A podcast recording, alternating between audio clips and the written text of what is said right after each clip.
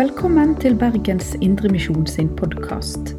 For mer informasjon om oss, besøk oss på betlehem.no, eller finn oss på Facebook og Instagram der som Bergens Indremisjon.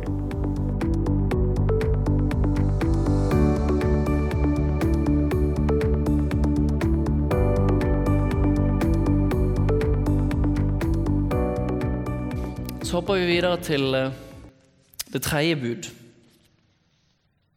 Der står det i 2. Mosebok kapittel 7 vers 8-11. Husk sabbatsdagen og hold den hellig.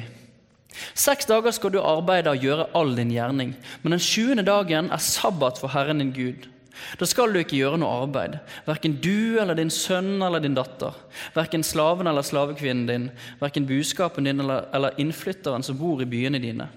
For på seks dager laget Herren himmelen og jorden, havet og alt som er i dem. Men den sjuende dagen hvilte han. Derfor velsignet Herren sabbatsdagen og helliget den. Eh, Så det tredje budet det er forkortet for oss, det er at du skal holde hviledagen hellig. Og så har eh, Den kristne kirke tatt med seg videre disse ti bud. Og det er, det er ikke helt uten utfordring med hvordan vi skal forholde oss til alle disse budene. Eh, For budene er også gitt til Israel i en historisk kontekst, en kulturell kontekst. Eh, Og Her er dette budet på mange måter spesielt knyttet til israelittene. Og Det er jo derfor vi på denne eh, kanten av jorden kan spise både reker og, og svin uten store samvittighetskvaler. Men så er det likevel også sånn at det er noen bud her som er eh, uttrykk for Guds universelle og tidløse lov. Og så angår det òg oss. Så er det noen ganger litt utfordrende hva faller på innsiden og hva faller på utsiden. Og hvordan er det i den nye pakt? Og her så befinner denne her, eh, dette det tredje budet seg om sabbaten. Det er litt i en sånn limbo. Eh, vi, vi tar det med, men det er på litt andre premisser. Men helt først så betyr sabbat det betyr å hvile eller avstå fra å gjøre arbeid. Og så leser vi leste, så bygger det videre på Guds egne, eh, egen hviledag. Eh, som han bestemte skulle holdes hellig framfor alle andre dager. Og Det å holde en hviledag det er utrolig viktig. Eh, Luther han eh, skriver at naturen lærer og krever av vanlige mennesker, arbeidsmann og arbeidskvinne, som har passet sitt arbeid hele uken, at de også skal holde seg i ro en dag og komme til krefter. Så hørte jeg en formulering en gang at det å synde mot skaperverket. Det er liksom hvis du dunker på og arbeider deg i senk, så er det liksom synde mot skaperverket. Så kan det bli eh, kanskje litt feil formulering, men jeg tror det ligger noe sant der òg. At det, det er noen rammer for vår eksistens her. Vi trenger denne dagen å slappe av på og hvile. Og Så ble han gitt til Israel for at de skulle ha en dag hvor de ikke gjorde tungt arbeid og hvilte seg. Det ble gitt til menneskene der for, og, for at de og dyrene ikke skulle bli utmattet av ustanselig tungt arbeid. Og Det er noe som gjelder for oss i dag.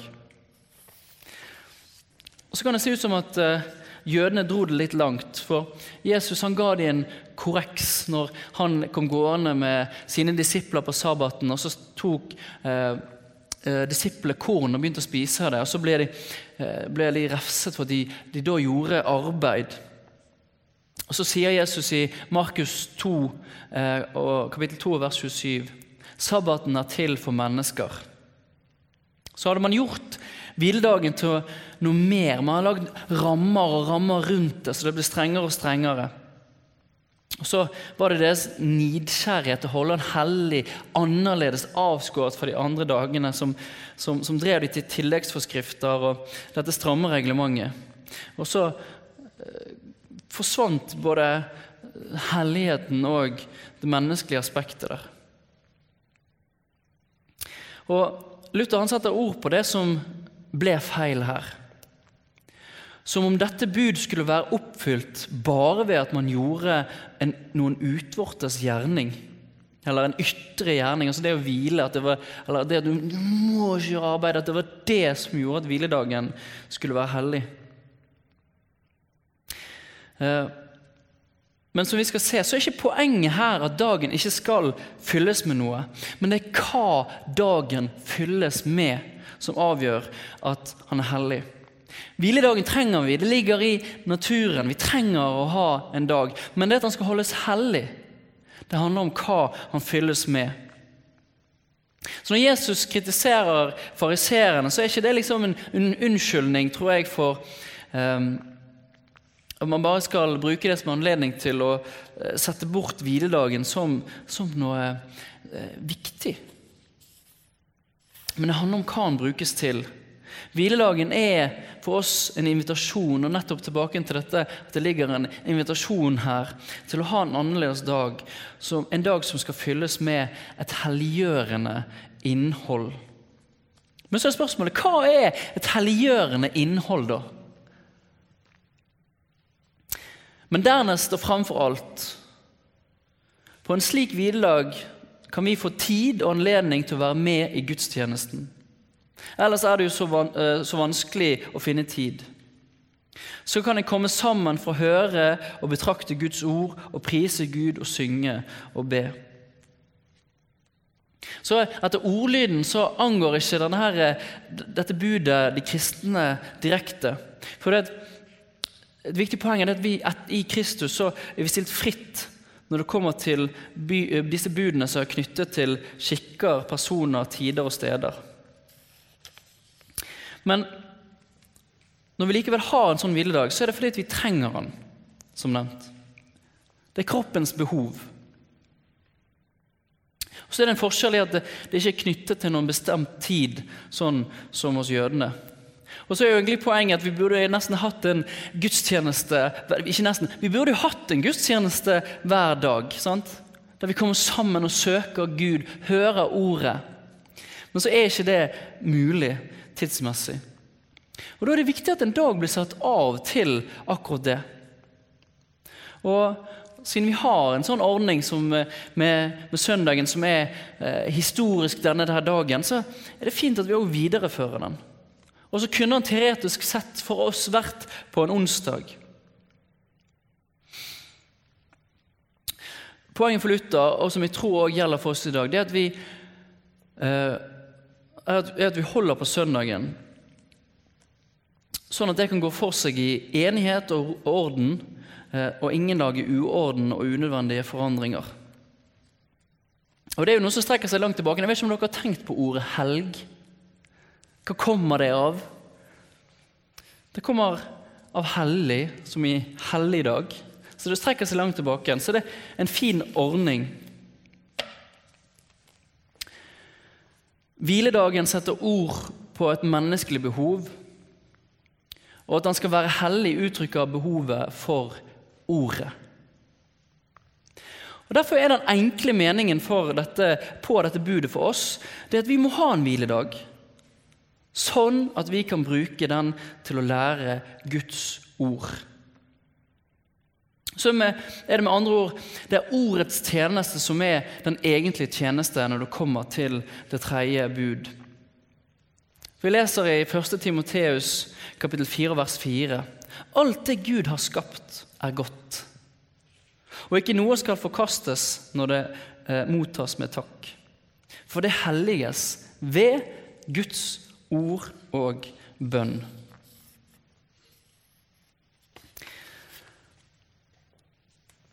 Så da kan vi si at å holde hviledagen hellig betyr så mye som å holde den hellig.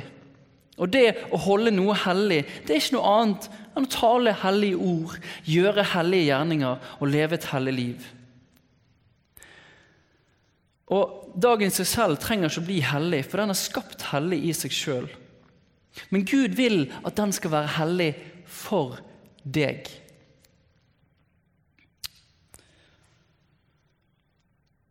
Og Da er det også sånn at han blir hellig eller vanhellig ved det du gjør. alt ettersom du foretar deg hellige eller vanhellige ting. Så det er sånn at Dagen blir ikke hellig ved at man ikke gjør noen ting. Så har jeg kanskje hørt disse historiene om at man har hatt et ganske strengt eh, strikkeforbud. Eh, litt stramme rammer i, eh, i vår tradisjon òg. Og så kan det ha vært et menneskelig behov den dagen for å liksom bare virkelig sette rammer. Jeg merker jo selv at eh, Hvis jeg skal virkelig ha en hviledag, så må jeg være litt streng på meg sjøl i forhold til mobilbruk. Sant? Kanskje det var litt det samme sånn eh, med strikkingen. Men så ble det kanskje dratt litt langt. Eh, men samtidig så står det òg i Romerne 6 den som legger vekt på bestemte dager, gjør det for Herren. Og jeg tror mange av de som hadde Nå setter vi av den dagen, nå gjør vi ingenting arbeid i dag, vi gjør det for Herren. Så tror jeg òg eh, Ja, jeg vil være jeg tenker det, Man skal tenke seg litt om før man hoverer over hva som blir gjort eh, tidligere. Men poenget er at det er ikke disse annerledesmarkørene som gjør hviledagen hellig. Men det skjer ved at man har Guds ord for seg og øver seg i det. Det er det som gjør hviledagen hellig. Så kjenner vi at det er to ting i dette budet. Det er en hviledag og en helligholdelse av denne dagen.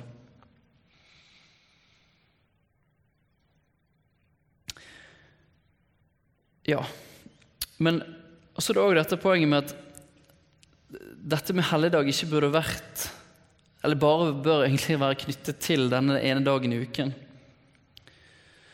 Eh, at vi daglig egentlig bør bruke tid på det som helliggjør dagen for oss. Å ha Guds ord i hjertet og munnen. Der vi F.eks. minnes de ti bud, eh, vi, vi minnes eh, trosbekjennelsen, vi ber Fader vår, eller vi leser Guds ord og innretter våre liv etter Guds ord. Så er det ikke alltid man i en hverdag får tid til å sette seg ned og gjøre, eh, ja, gjøre det på en sånn skikkelig dyp måte, sånn som på søndagen.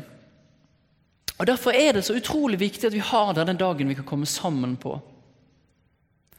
Komme sammen som et fellesskap og få lov til å høre Guds ord, lære Guds ord, øve oss i Guds ord og nære oss ved Guds ord.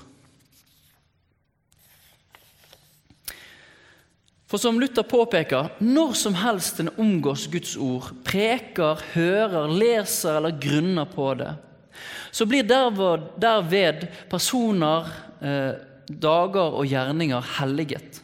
Ikke for den ytre gjernings skyld, men for ordets skyld, som gjør oss alle hellige.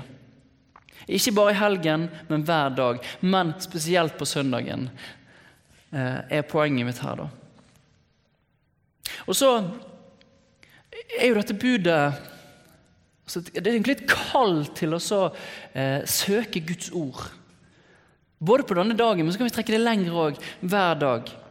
Så har vi, eh, nevner Luther akiada.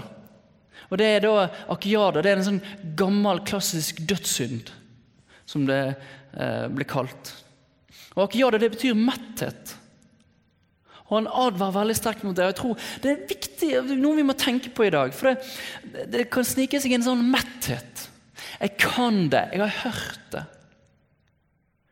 Sitte på gudstjeneste og kjenne at ja, dette var fryktelig uinspirerende. Og noen ganger altså, det, det, Pedagogikk er viktig, og måten ting blir formidlet på, er viktig. Det er det. Men det er òg vårt ansvar å se viktigheten eller poenget med denne hviledagen. Og ta imot dette Guds ordet som blir meddelt oss, f.eks. Og Grunnen til at jeg nevner det, det er at eh, jeg hørte en statistikk for en sånn NAMU-undersøkelse om hva er det vi scorer dårligst på, sånn generelt IMF-forsamlinger, da, ikke denne menigheten her. Eh, jeg vet ikke hvordan det eh, står til. Jeg har ikke, ja, jeg har ikke spurt dette spørsmålet. Men eh, der scorer vi lavest på det jeg mener var at gudstjenesten oppleves meningsfull for oss. At den ikke oppleves meningsfull for oss. Og det kan jo være flere ting. Jeg er med på den. Det kan være mer ting som ligger i det. altså rett og slett Måten det forkynnes på, eller på, at det kan ligge noe der. Men, men Har man forstått hva vi trenger?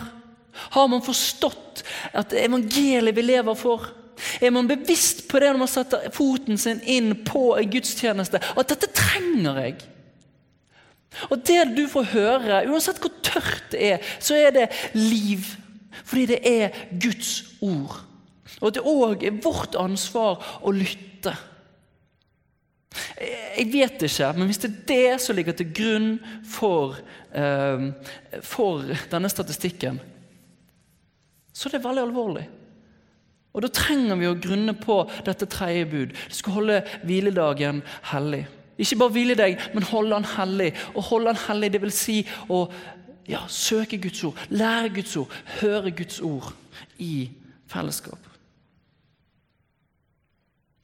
Og Siden vi har disse to budene sammen, så kan vi si at det tredje bud blir helligholdt ved å følge det andre bud. I hvert fall invitasjonen som er i det andre bud. Få lov til å ta og bruke Guds navn, høre om eh, Guds navn, om hva Gud har gjort for oss. Så oppsummerer Luther det så fint i sin lille katekisme.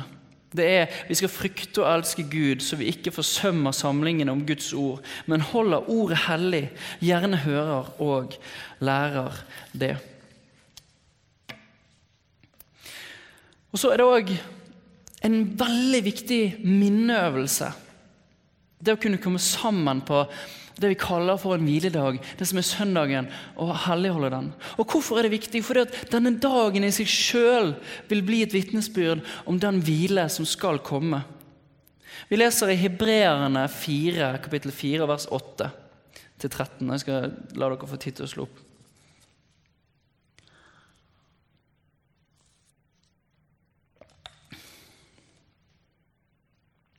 Her står det om denne hvilen som skal, som skal komme. og Nå hopper vi litt midt inn i det, men, men der står For hvis Josva hadde ført dem til hvilen, ville ikke Gud senere ha talt om en annen dag.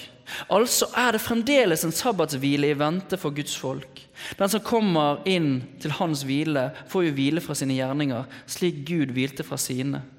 La oss derfor ivre etter å komme inn til denne hvilen, så ingen faller fra pga. samme slags ulydighet.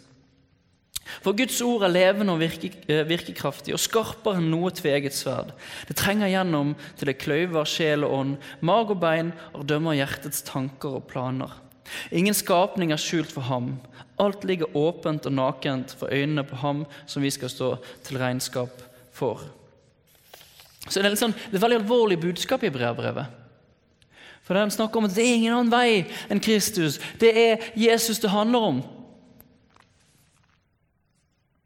Så snakker han òg om denne hvilen som vi kan få lov til å komme inn i, og som vi skal komme inn i. Og Jeg vil bare kort Jeg skal ikke utlegge den teksten noe særlig, men hvordan komme inn til denne hvilen?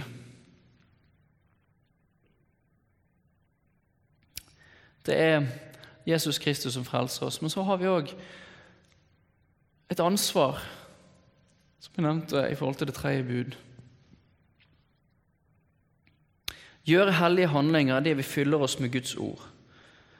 Så det Guds ord gir alltid frukt. Og det er det tvegede sverdet som både dømmer og viser Guds kjærlige nåde til oss i Kristus Jesus.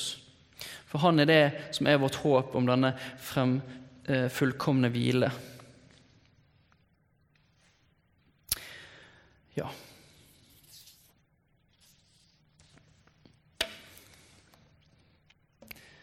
Da er jeg nærmere med å komme til bunns her. Men jeg ville bare Nå fant jeg, nå glemte jeg Jeg har en sånn en, uh, Martin Luther skrev et brev til uh, master Peter the Barber. Peter uh, Barbermesteren, kanskje, på norsk. Jeg husker ikke helt hva tittelen på norsk er. Men eh, den er en enkel måte å be på. Eh, en lite, lite, hefte som er kommet ut på norsk. Jeg skulle egentlig tatt den med i dag, men nå hadde jeg bare den engelske versjonen. Eh, denne, altså Martin Luthers lille katekisme er jo eh, genial. og jeg, jeg, merker jo på en måte jeg har jo på en måte tenkt at det var sånn tørt og litt sånn kjedelig gammel greie, men det, det er utrolig mye å hente der. For ikke bare kan du lære av han, du kan òg be han, og det er det poenget her. Eh, og Det er det han skriver til eh, denne Peter, som skrev et brev til Luther og lurte på hvordan kan jeg be. Og da er be, eh, be de ti bud. Be eh, Fader vår. Altså Be det gjennom Fader vår, hvert ledd. Be eh, troen. altså jeg vil bare anbefale den boken. Utrolig fin eh, måte å aktualisere dette til for oss da, i våre liv. Å kunne be det inn i våre liv. For vi trenger Guds hjelp og styrke og nåde eh, i etterfølgelsen. Og jeg tror det er et utrolig godt eh, hjelpemiddel. Da. Men jeg tenkte, nå har jeg oversatt det fra engelsk, da, så står det mye, mye bedre og lettere den, i den norske oversettelsen. Men jeg tenkte bare jeg ville lese gjennom eh, den, eh, ja, Martin Luther sin sitt eh, eh ja, forslag til, Pet, til, Peter om hvordan han kunne be. Og Da skriver han om du skal ikke misbruke Herren din Guds navn. Om du har tid, kan andre bud bli bedt i fire ledd. Du skal ikke misbruke Herren i Guds navn. For det første lærer jeg at jeg må holde Guds navn i ære, hellighet og herlighet. Ikke til å sverge banne og ikke til å være stolt eller søke ære eller fremme meg selv, men i ydmykhet tilkalle Hans navn og be og lovprise det, og la det være min ære og herlighet at Han er min Gud, og at jeg er Hans skapning og uverdige tjener.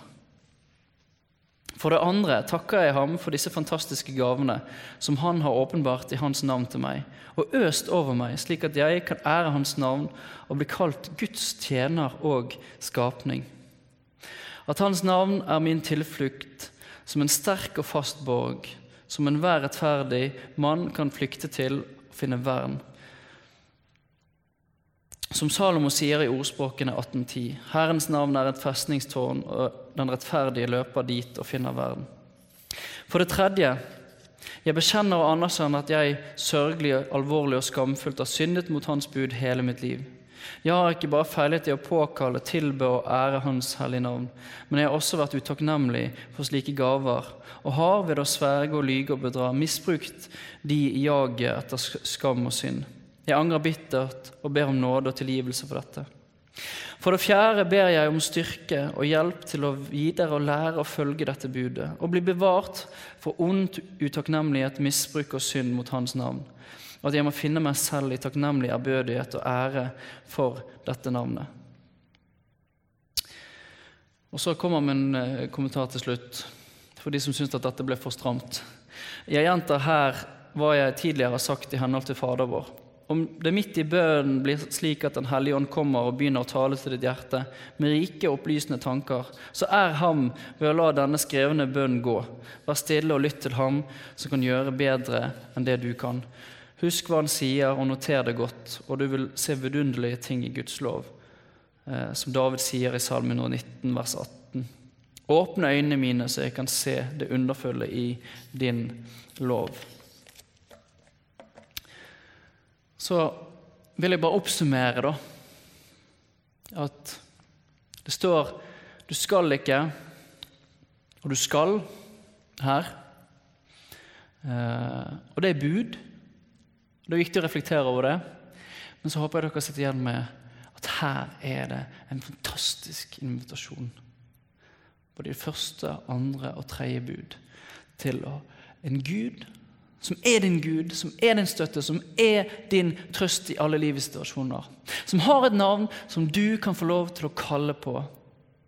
Og som har gitt, seg, gitt deg sitt ord for at du skal få lov til å nære deg ved det. Og ære Han ved å søke Hans ord og fylle deg med det. Alle dager i uken, men spesielt på søndag når vi kommer sammen i fellesskap. Amen. Du har lytta til Bergens Indremisjon sin podkast. For mer informasjon om oss, besøk oss på betlehem.no, eller finn oss på Facebook og Instagram der som Bergens Indremisjon.